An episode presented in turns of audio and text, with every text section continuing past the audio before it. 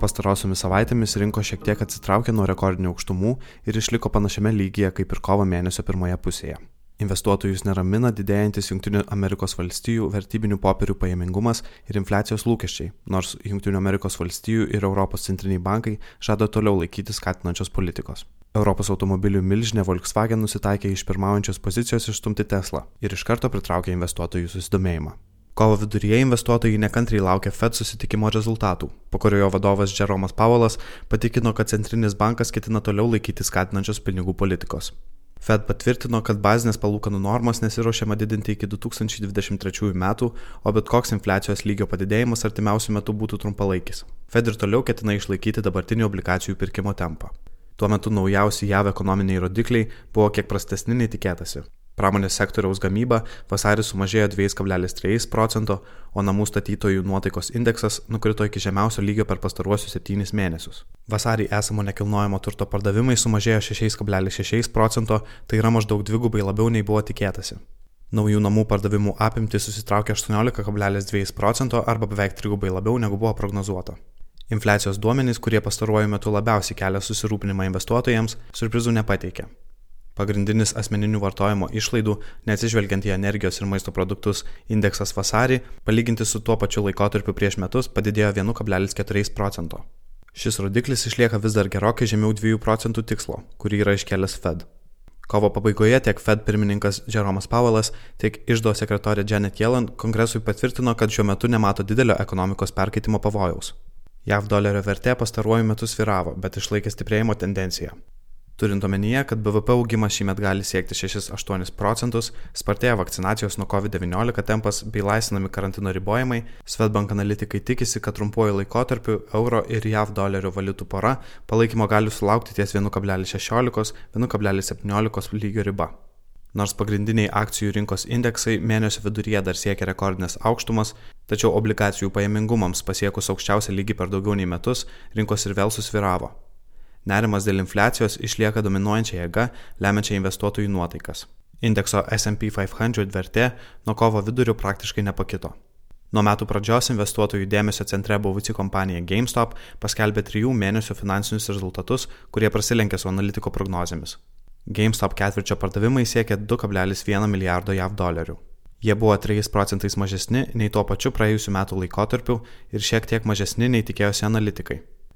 Per 2020 metus GameStop grinasis nuostolis viršijo 215 milijonų JAV dolerių.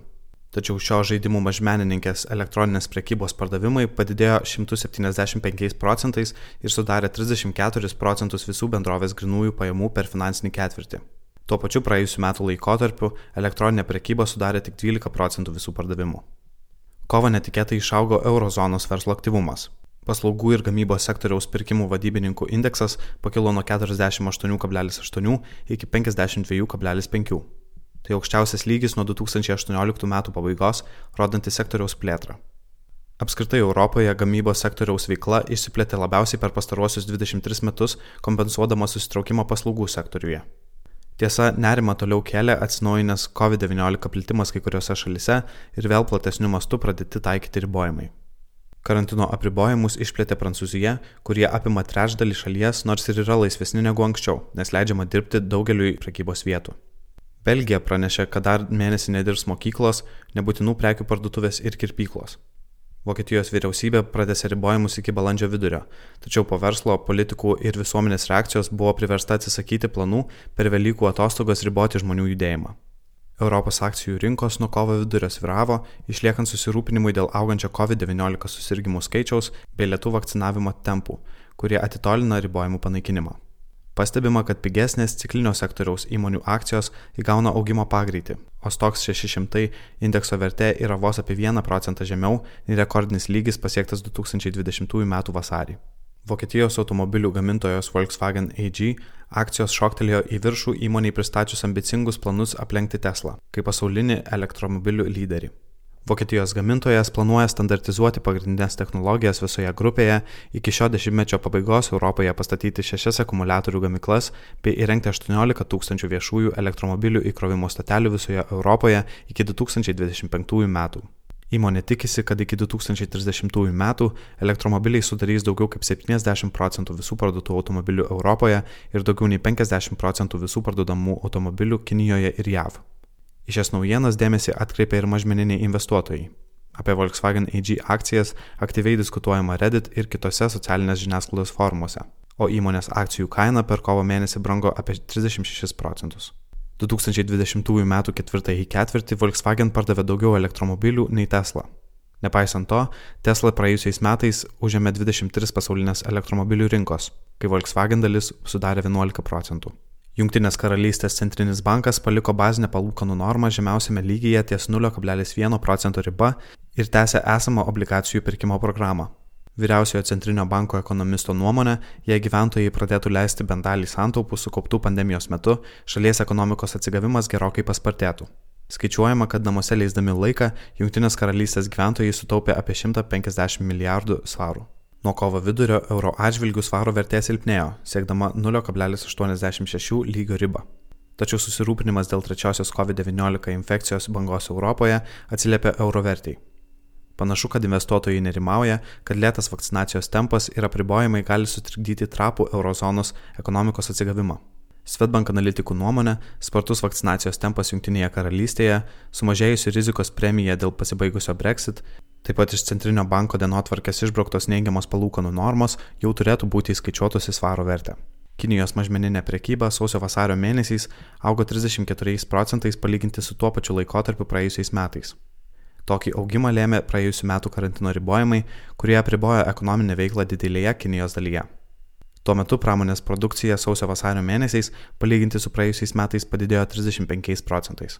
Kinijos akcijų rinkos nuo kovo vidurio nepademonstravo proveržio.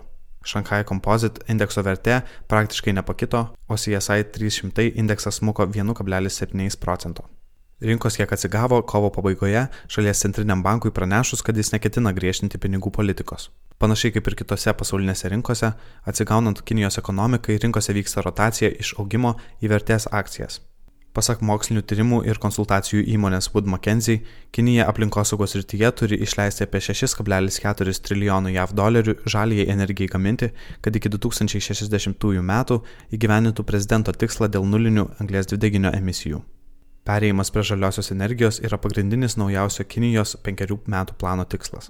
Praėjusiais metais Kinija įdėgė daugiau kaip 50 gigavatų vėjo energijos. Tai dvigubai daugiau nei 2019 metais. Tikimasi, kad šalies perėjimas prie atsinaujinančių energijos šaltinių padidins pasaulinę žaliavų ir mineralų, tokių kaip varis, nikelis, aliuminis, kobaltas ir litis paklausą. Pastarosiomis savaitėmis bazinės palūkanas netikėtai ar daugiau nei buvo prognozuota padidino Brazilijos, Rusijos ir Turkijos centriniai bankai. Brazilijos centrinis bankas nustebino investuotojus pirmą kartą padidinęs palūkanų normą per beveik šešis metus. Ji padidėjo nuo 2 iki 2,75 procentų, be to kitas panašaus lygio padidinimas planuojamas per artimiausią susirinkimą. Banko pinigų politikos komitetas pažymėjo, kad COVID-19 vis dar kelia riziką ekonomikai, tačiau jų nuomonė atėjo laikas pradėti riboti skatinimą. Centrinis bankas pažymėjo, kad 2020 m. pabaigoje šalies BVP atsigavo, infliacijos prognozijas didžiausioje Latino Amerikos ekonomikoje taip pat pagerėjo.